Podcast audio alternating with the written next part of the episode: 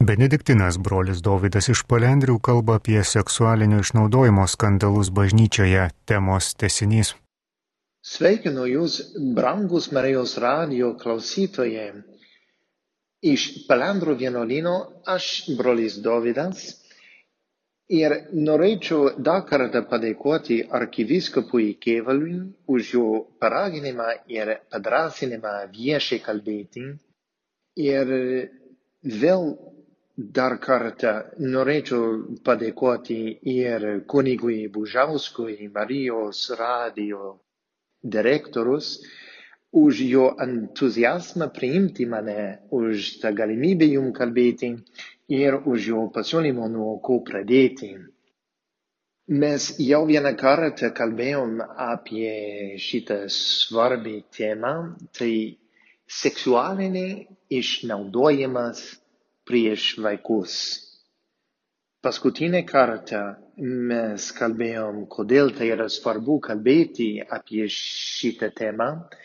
Ir pagrindiniai tai dėl to, kad ta tema svarstoma visame pasaulyje. O mes čia Lietuvoje irgi turėtume svarstyti. Taip pat tai svarbu kalbėti apie tą temą, nes yra aukų ir čia Lietuvoje. Šita problema seksualiniai išnaudojimas prieš vaikus, tai yra labai sena problema ir tai yra pažįstama visur pasaulyje. Niekur nėra išsaugotos nuo šito problemo. Tai yra labai liūdnas bet tai faktas. O gal pats svarbiausias priežastys, kodėl reikia svarstyti šitą temą ir viešai svarstyti, tai dėl to, kad tyla, tylėti apie šitą problemą yra itin blogai.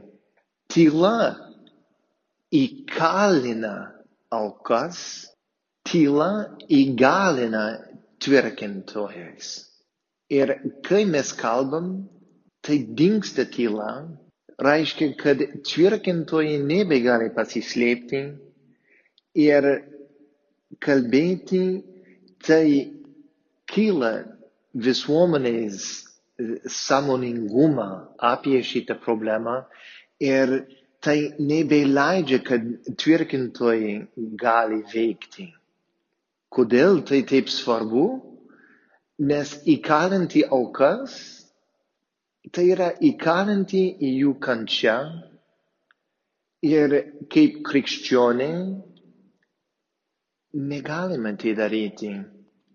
Bažnyčia egzistuoja, kad galime vesti žmonėm prie Dievo.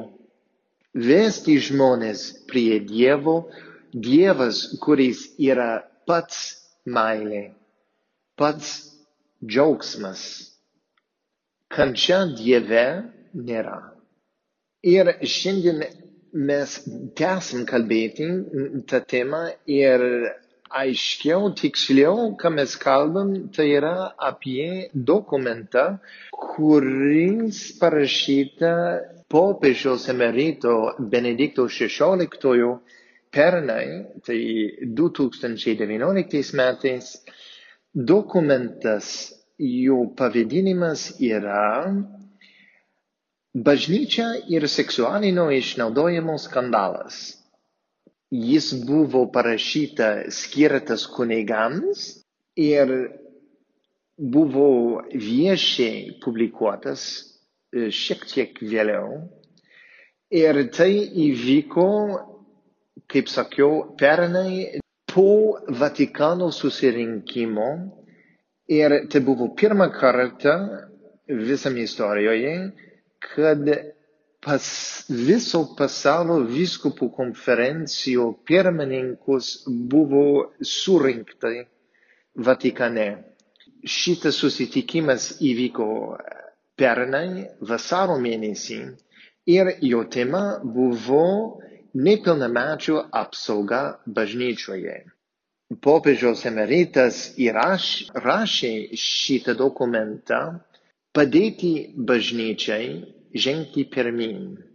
Dokumentas yra padalintas į tris dalys. Pirmas tai yra istorinis kontekstas, antras jo įtaka kunigiškai informacijai, o trečias kaip žengti pirmin. Kalbėsim apie tą įtaką kunigiškai informaciją, jų pasiūlymus, kaip padėti bažnyčią ir tikinčiai žengti pirmin ir duosiu jums kelius komentarus ir mintys apie tą, tą visą temą. Tada skandalo istorinis kontekstas. Mes matom, kad popiežiaus emeritas Benediktas, jis paaiškino, kad pagrindiniai yra du dalykai. Yra kultūrinis kontekstas ir atskirai, bet veikianti šalia tuo metu, buvo taip pat ir bažnytinis kontekstas. Ta kultūrinis kontekstas, jis žino tą 68-ųjų revoliuciją, aplamai galime sakyti, kad tai buvo kaip laisvės revoliucija, kovojanti už laisvę. Ir labai ypatingai drįsiu sakyti, net ir neproporcingai, bet labai stipriai taip pat už seksualinę laisvę. Kaip sakiau, paskutinį kartą skandalas neturi tik ir vienintelį vienas įvykis, kuris duoda ir darė skandalas. Skandalas yra kompozuotas iš daugelio dalykų, normaliai, kuri vyksta per daugelio metų. Pagrindiniai rezultatai, įvykiai, įtaka iš tos revoliucijos, tai buvo, kad žmonija nebepriimo apribotą seksualumą. Kas buvo uždraustas iki tol, tapo leidžiama. Ir tai ypač pedofilija. Tai buvo kultūrinis kontekstas, bažnytinis kontekstas. Jis paaiškino, kad žlugo moralinė teologija. Iki Vatikano antrojo susirinkimo moralinė teologija buvo dėstama pagal prigimties teisės. Po susirinkimo po Vaticano antrojo susirinkimo, teologai norėjo naują metodą, naują dėstymo metodą ir jie bandė tai pirmiausiai daryti vien pagal šventą raštą. Jie mato, kad sistematiškai dėstyti moralinį teologiją pagal šventą raštą nelabai veikia, negalima sistematiškai dėstyti.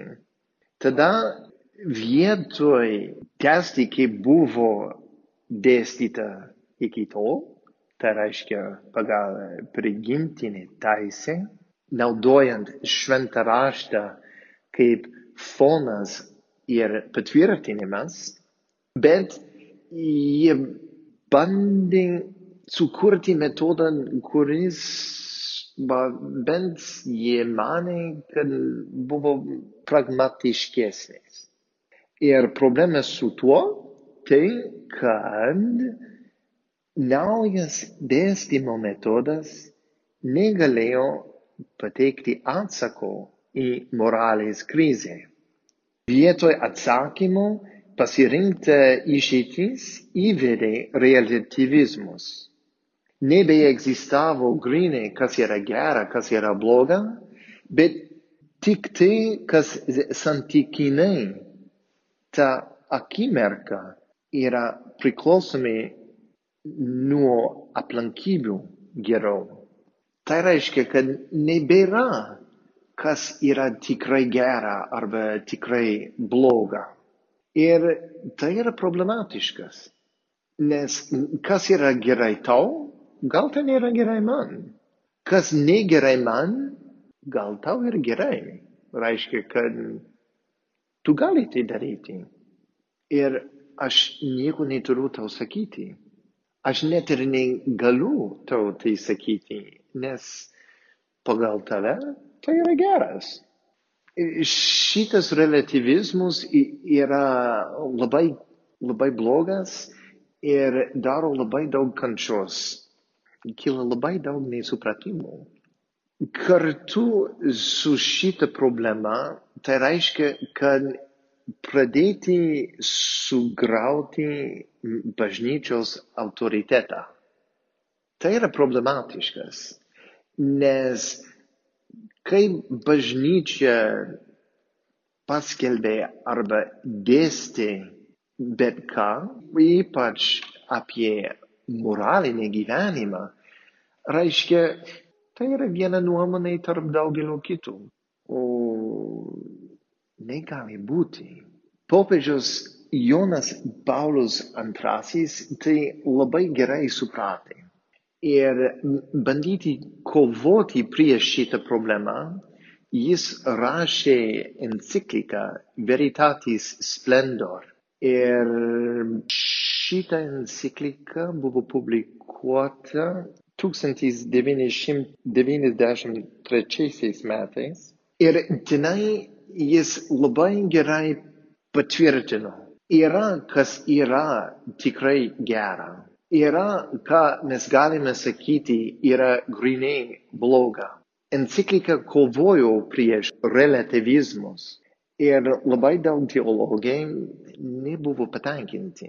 Bet tai yra enciklika, tai yra, kas yra grinai katalikiška teologija ir pagal tradiciją.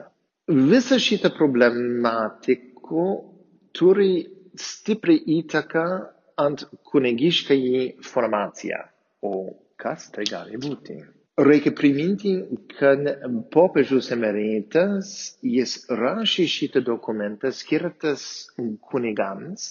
Tai nebuvo minėta, bet buvo daryta, publikuota, paviešinti visam pasaulyje. Jis tai rašė tame kontekste pasaulio viskupų pirmininkų susirinkimą. Klausyti ir nebepriimti bažnyčios autoritetą, tai turi labai stiprią įtaką ant kunigiškai formaciją. Jonas Paulus II, rašant tą encikliką, jis bandė baigti tuos klausimus.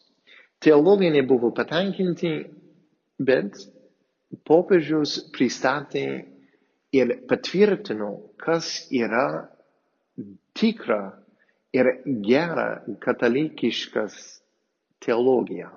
Reikia priminti, kad popiežius emeritas Benediktas, jis rašė šitą dokumentą tame kontekste Vatikano susirinkimo vasaro mėnesį 2019 metais pasaulio vyskupų pirmininkų susirinkė kalbėti apie vaikų apsaugą bažnyčioje, apie nepilnamečių apsaugą bažnyčioje. Ir aišku, kad dalis šito susirinkimo tai buvo apie kunigų gyvenimą kunigiškai gyvenimą ir gyvenimas seminarijose.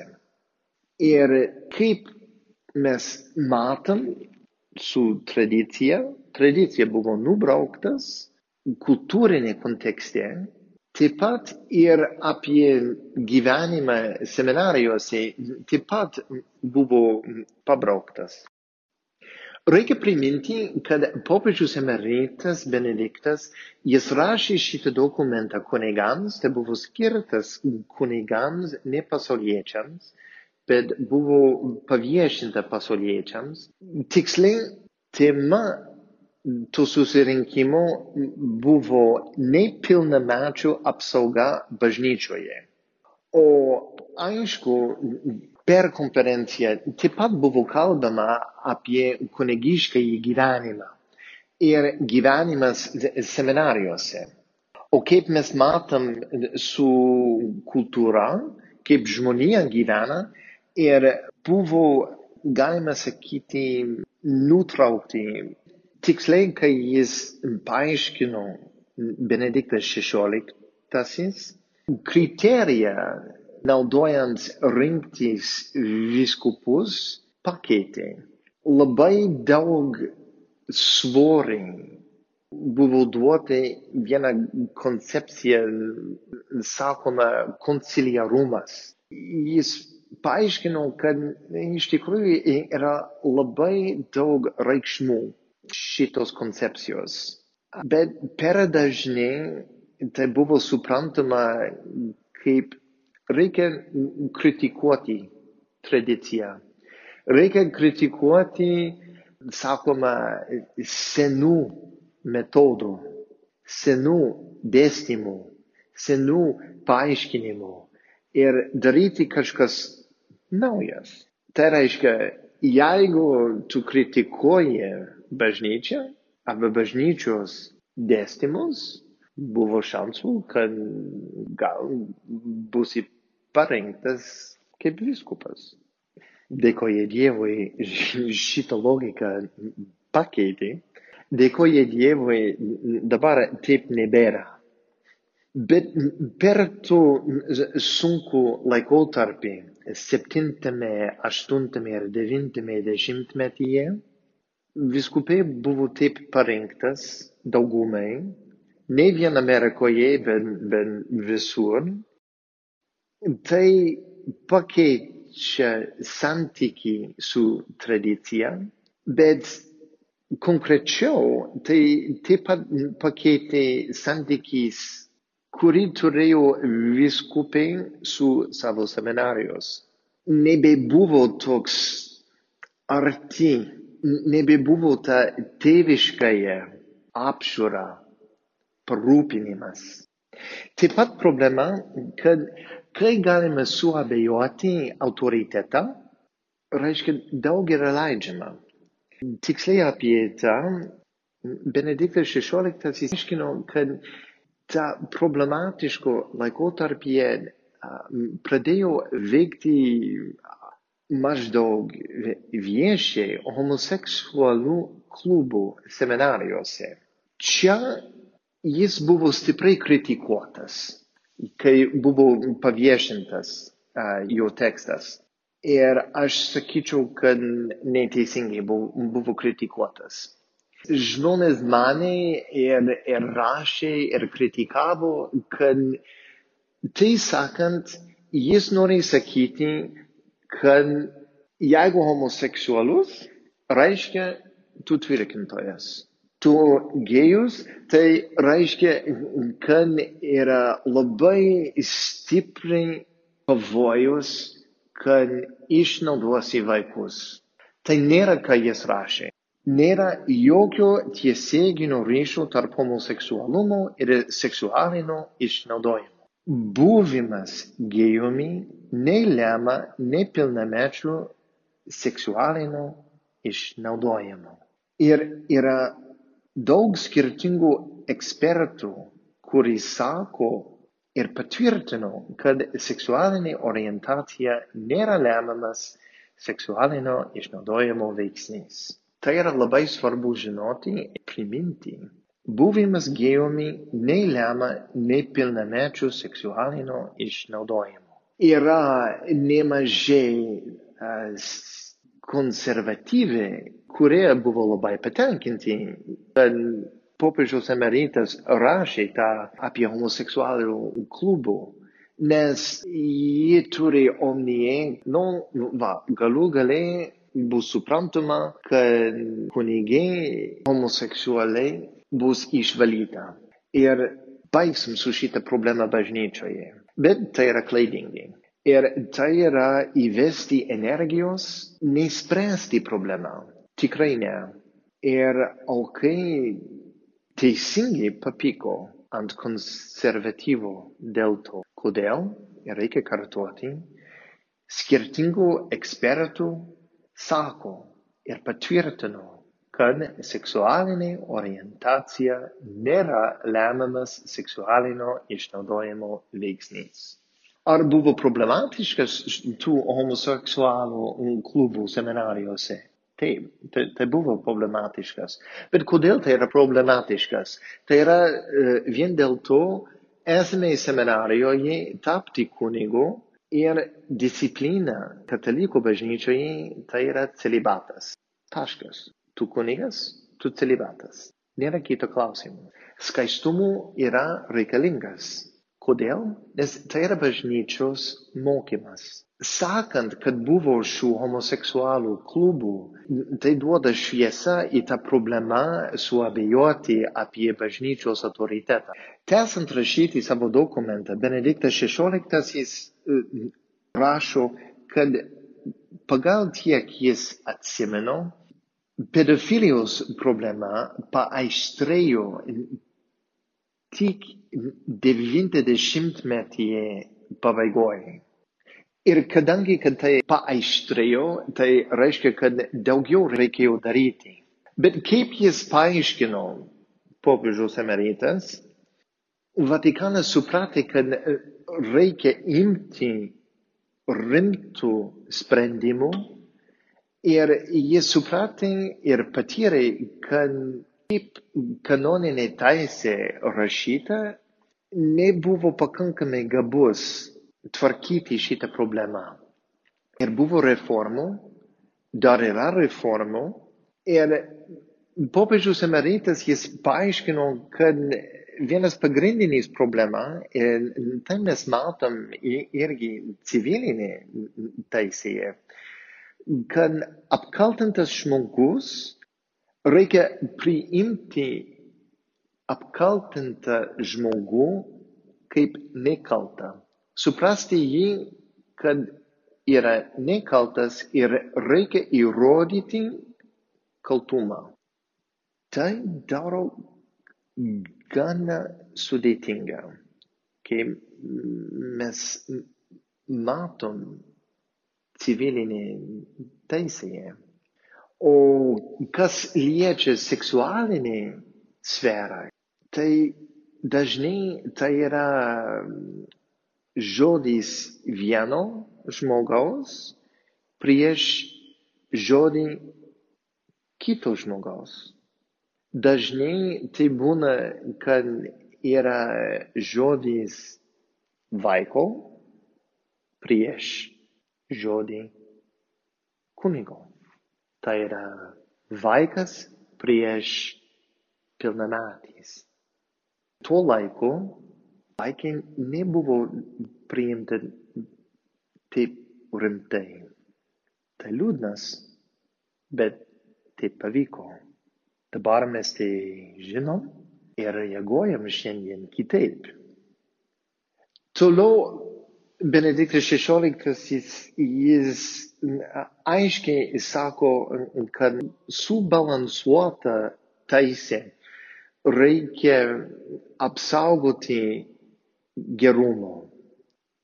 Gerumo tai yra šitą nekaltumo, bet gerumo tai irgi turėtų būti ir tikėjimas tikėjimas yra geras daiktas, kuris turėtų būti apsaugotas iš teisės, ypač kanoninės teisės. Ir jo tekste aš cituoju, jis, jis rašo, čia leiskite padaryti nedidelį nukrypimą. Ragint pedofilinių nusižengimų mastą, Atmintyje vėl iškyla Jėzaus žodžiai. Citata iš Morkaus Evangelijos, kas papiktintų vieną iš šitų tikinčiųjų mažutėlių, tam būtų daug geriau, jeigu jam užkabintų ant kaklo asilo sukamų girnų akmenį ir įmestų į jūrą šioje ištaroje pirminė jos prasme kalbama ne apie seksualinį vaiko suvedžiojimą. Žodžiu mažutėlė, Jėzus kalboje žymimi paprasti tikintieji, kurių tikėjimą gali sugriauti protingasis. Iš naujo tą pasraipę. Šioje ištaroje pirminė jos prasme kalbama ne apie seksualinį vaikų suvedžiojimą. Žodžiu, mažutėliai, Jėzaus kalboje žymimi paprasti tikintieji, kurių tikėjimą gali sugriauti protingais save laikančiųjų intelektualinė puikybė. Jėzus čia tikėjimo lobį apsaugo pabrėžtų grasinimu nubausti tuos, kurie tikėjimui daro žalą. Ir čia jo tekste popiežiaus emeritas duoda labai stipri, stipri svorį ant tikėjimo. Iš vis reikia apsaugoti tikėjimą. Ir jis paaiškino, kad atlikti vieną nusikaltimą taip stipriai, taip baisiai, kaip lytinį išnaudojimą prieš vaikus, tai gali atsitikti tik jeigu tikėjimo nėra. Reiškia jo omnyje, kad kunigas, kuris padarė šitą nusikaltimą, neturi tikėjimo. Ir pagal teisės, pagal bažnyčios teisės, nužengimų, nusikaltimų prieš tikėjimą, tai yra priežastys išmesti kunigą iš kunigystės. Ir jis paaiškino, tai yra todėl, kai jis buvo tikėjimo ir doktrinos vedėjas kartu su popiežiumi Jonu Paulumi. Tai yra todėl jie taip sprendė. Rodyti, kad tikėjimo nebuvo ir tada tai galima išmesti kunigą iš kunigystės. Jis rodo, kad sąžiningai jie galvojo, kaip apsaugoti vaikus, bet procesas buvo ilgas. Na, tai yra ta įtaka ant kunigiškai informaciją. Tai yra liūdnas ir man iš tikrųjų tai yra gana problematiškas. Tai yra problematiškas, nes niekur jis nekalba apie tą aplaidumą. Per daug viskupų buvo apleistas savo pareigoje. Yeah. Apleistas, nes neieškojo išsaugoti nepilnamečius. Taip pat reikia pripažinti, kad na, septintame, aštuntame, devintame dešimtmetyje, nu, devintame dešimtmetyje nebe taip daug kaip anksčiau, bet kaip tvarkė visuomenė šitą problemą? Aš žinau, pavyzdžiui, Amerikoje, kai buvo abejonės apie kaimyną, jis truputį keistas, visada žiūri vaikus žaidžiant mokykloje. Filmuose mes, mes matom tą mažą autobusą, kurį rodo um, uh, duoda sausainių vaikams.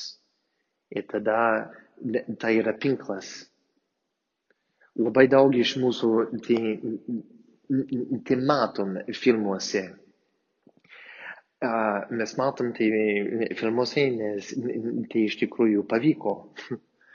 um, tai yra liūdnas faktas, bet tai, tai pavyko. O ką darė kiti? Tėvai sako savo vaikams, eik prie tos žmogaus. Jeigu, jeigu tu, tu jį matai, tada eik eik į kitą kryptį. Nekreip dėmesį į jo. Ir tai buvo tvarkyta. Kartais smurtaujo ant tos žmogaus. Tėvas, kuris žinojo, kad savo vaikas buvo palietas netinkamai iš, iš vieno, no, tai, tai buvo, kad jis, jis ėjo ir, ir, ir smurtavo mušė, nenužudė, bet, bet davė kumščiais. Tai pavyko. Ir iš vis, ir tai yra svarbiausia, iš vis nebuvo kalbama. Žmonės žinojo, bet tylėjo. Ir tai pavyko ir bažnyčioje. Tai yra trumpa komentarą. Bet trečiame dalyje popiežiaus emeritas Benediktas XVI, jis rašo duodant pasiūlymus, kaip žengti pirmyn. Ką gali bažnyčia daryti? Ir bažnyčia, mums reikia priminti, kad bažnyčia tai mes visi. Tai nėra vien hierarchija. Bažnyčia tai yra visi.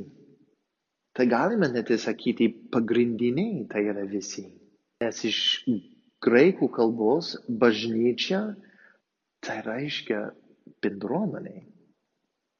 O bendruomenė tai nėra hierarchijos. Kai yra daug žmonių, hierarchijos yra reikalingas. Bet bendruomenė nėra hierarchijos. O iš vis Benediktas sako, kad bažnyčia yra geras. Taip yra nuodėmės, taip yra problemų, nes mes žmonės, mes ne Dievas. Bažnyčia yra gera ir nereikia nustoti, nereikia atsisakyti į bažnyčią. Reikia bažnyčioje pasilikti, praktikuoti savo tikėjimą, aplankyti bažnyčią, priimti sakramentus. Ir jis šaukia į vieną atnaujinimą, atnaujinti savo tikėjimą, atnaujinti savo tikėjimą į Dievą. Dievas kaip kurėjas. Nes kai Dievas, kuris yra geras, yra pats geras, kai jis yra kurėjas, yra daug gerumų, kuris išteka. Reikia iš naujo pripažinti ir priimti, kad tas Dievas nužengė iš dangaus ir tapo žmogumi. Tai yra labai tinkamai, kad mes kalbam apie tą taip arti advento laiko. Adventas tai yra tas laikas, mes ruošiam Kristos atvykimo, naujo atvykimo į, į pasaulį. Adventas yra tas laikas, kur mes prisiminėm apie jo ateimo kalėdų metu. Kai jis tikrai tapo žmogumi ir gyveno tarp mūsų. Ir galutiniai jis kalba apie bažnyčią kaip paslaptį. Kodėl tai yra paslaptis? Nes bažnyčia yra šventa, bet kadangi mes žmonės yra taip pat nuodėmių. Tai nėra lengva suprasti, kartais tai yra net ir nelengva priimti, bet tai yra todėl tai yra tikėjimo paslaptis. Bažnyčia yra šventa. Bažnyčia yra šventa, bet sudaryta iš nuodėmingų žmonių. Mes visi nusidėjėliai. Visi. Aš, tie, kurie visi yra nusidėjėliai. Aš, mano šeima, mano bendruomenė, kunigai yra nusidėjėliai, popiežius yra nusidėjėlius. Mes nusidėjėliai, nes mes žmonės. Tai yra normalu, nes jeigu mes nebūtume nusidėjėliai, mes būtume Dievas. Yra vien Dievas, kuris ne nusidėjėlis. Reikia atnaujinti savo tikėjimą. Ir kai atnaujinam savo tikėjimą, reiškia, kad būsime arti Dievo. Reiškia, kad laikysime Dievo įsakymų. Reiškia, kad priimsime kitą žmogų kaip Kristus. Ir tai reiškia, kad toks bjaurus ir siaubas dalykas kaip seksualiniai išnaudojimas, ypač seksualiniai išnaudojimas prieš vaikus, tai nebegalima. Tai yra, ką rašo popiežiaus emeritas Benediktas XVI. Mano nuomonė, iš tikrųjų tai yra geras tekstas. Tai verta skaityti.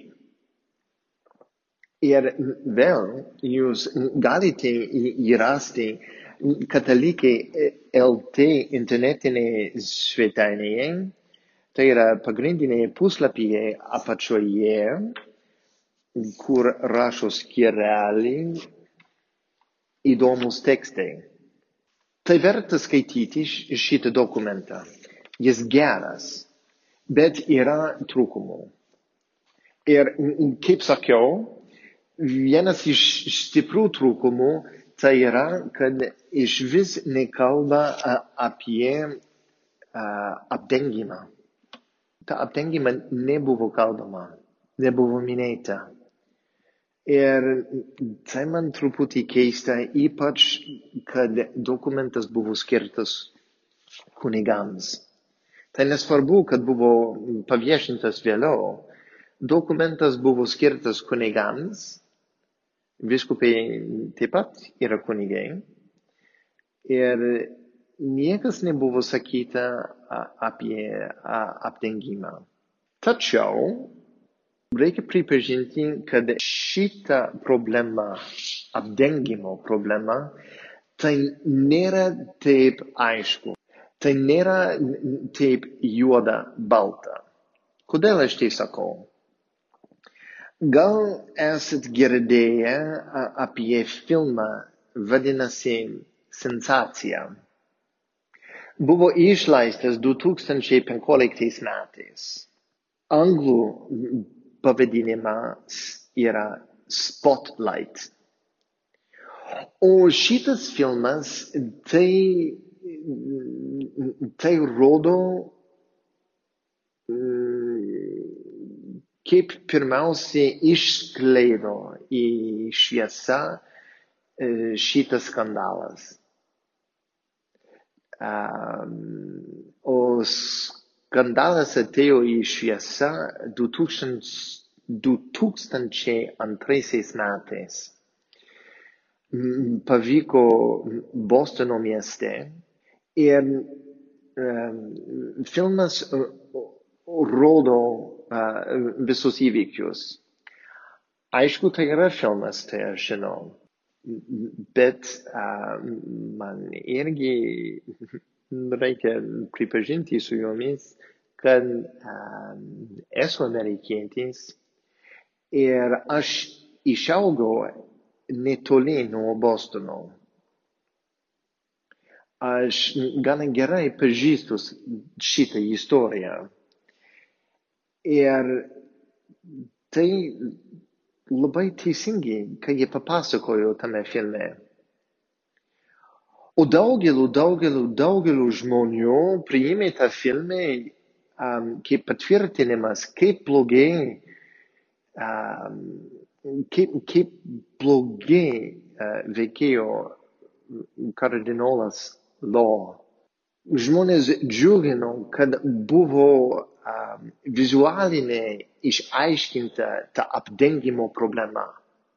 Bet, kas buvo labai gerai parodyta tame filme, tai žmonės nenorėjo kalbėti apie šitą problemą. Daug kartų jie sako, kad visi žino, kad yra problema, bet niekas nenori kalbėti.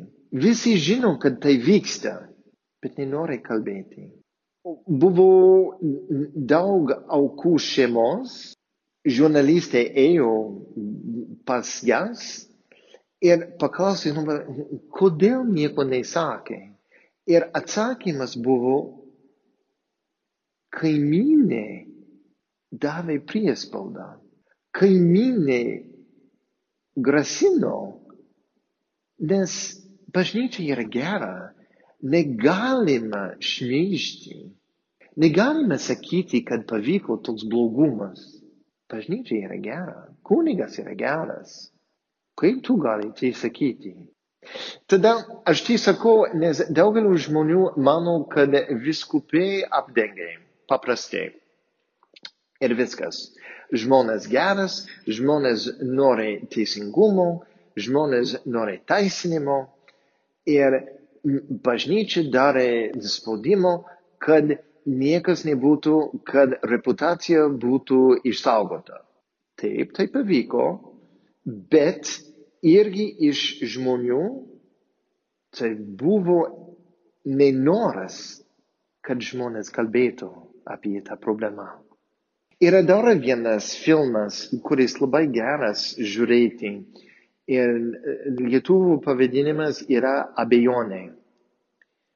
Originalų pavadinimas Doubt buvo išleistas 2008 metais.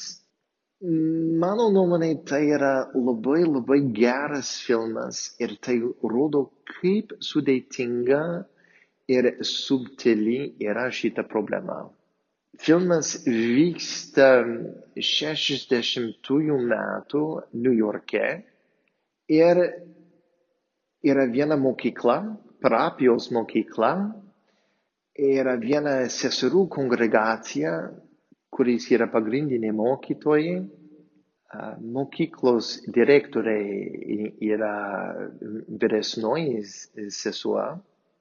Ir jinai mano, kad vienas kunigas, vienas parapijos kunigas, jis yra išnaudotojas. Bet niekas nelabai aišku. Daugiau apie filmą aš nenoriu sakyti, jeigu norite žiūrėti. Bet šitas filmas tai tikrai rodo, kaip subtilu yra šita problema. Ir net kai direktoriai kalba su mama, mama uh, to vaiko uh, apie kurį uh, direktoriai mano uh, vikaras išnaudoja, mama net truputį priima. Yra priežasčiai, kodėl, bet tai rodo, kad niekas nenorėjo kalbėti apie tą problemą beveik niekas. Tada negalime grinai apkaltinti bažnyčią. Negalime grinai apkaltinti hierarchiją. Bet didžiausia problema, ką aš uh, rodo tame tekste, tai yra ta labai stipras akcentas Benediktas duoda ant tikėjimo tikėjimas yra geras. Tai be abejo. Bet pagal teksto didžiausia problema jo nuomonė tai yra nusižengimas prieš tikėjimo. Ir tai man yra labai problematiškas, nes nebuvo tikėjimas, kuris buvo išnaudotas. Tai buvo vaikai. Šitas nusikaltimas, seksualiniai išnaudojimas buvo padaryta prieš vaikus, prieš mažutėlius, kurie dar tik vytėsi, mokėsi apie gyvenimą, apie meilę, apie santykius ir taip pat apie tikėjimą. Nusikaltėlių kunigų žiaurumas sugrovė ne tik jų tikėjimo dovaną, bet ir gyvenimus. Iškraipė jų draugystės, meilės, saugumo suvokimą. Vaikai buvo sužaisti į pačią asmens širdį. Neatsižvelgimas į aukų tikrovę rimtas apibraižos trūkumas dėl kurio daugelis žmonių svarsto, ar bažnyčia visgi turi širdį. Aš jums patvirtinu, kad bažnyčia tikrai turi širdį, ypač čia Lietuvoje, nes paragino mane kalbėti, padrasino mane kalbėti ir viskupų konferencija vysta programos padėti šitą problemą, padėti augantį žmonijos e, sąmoningumą. Laidoje kūno teologija girdėjote Benedikto brolio Dovido iš Palendrių, kalba apie seksualinio išnaudojimo skandalus bažnyčioje.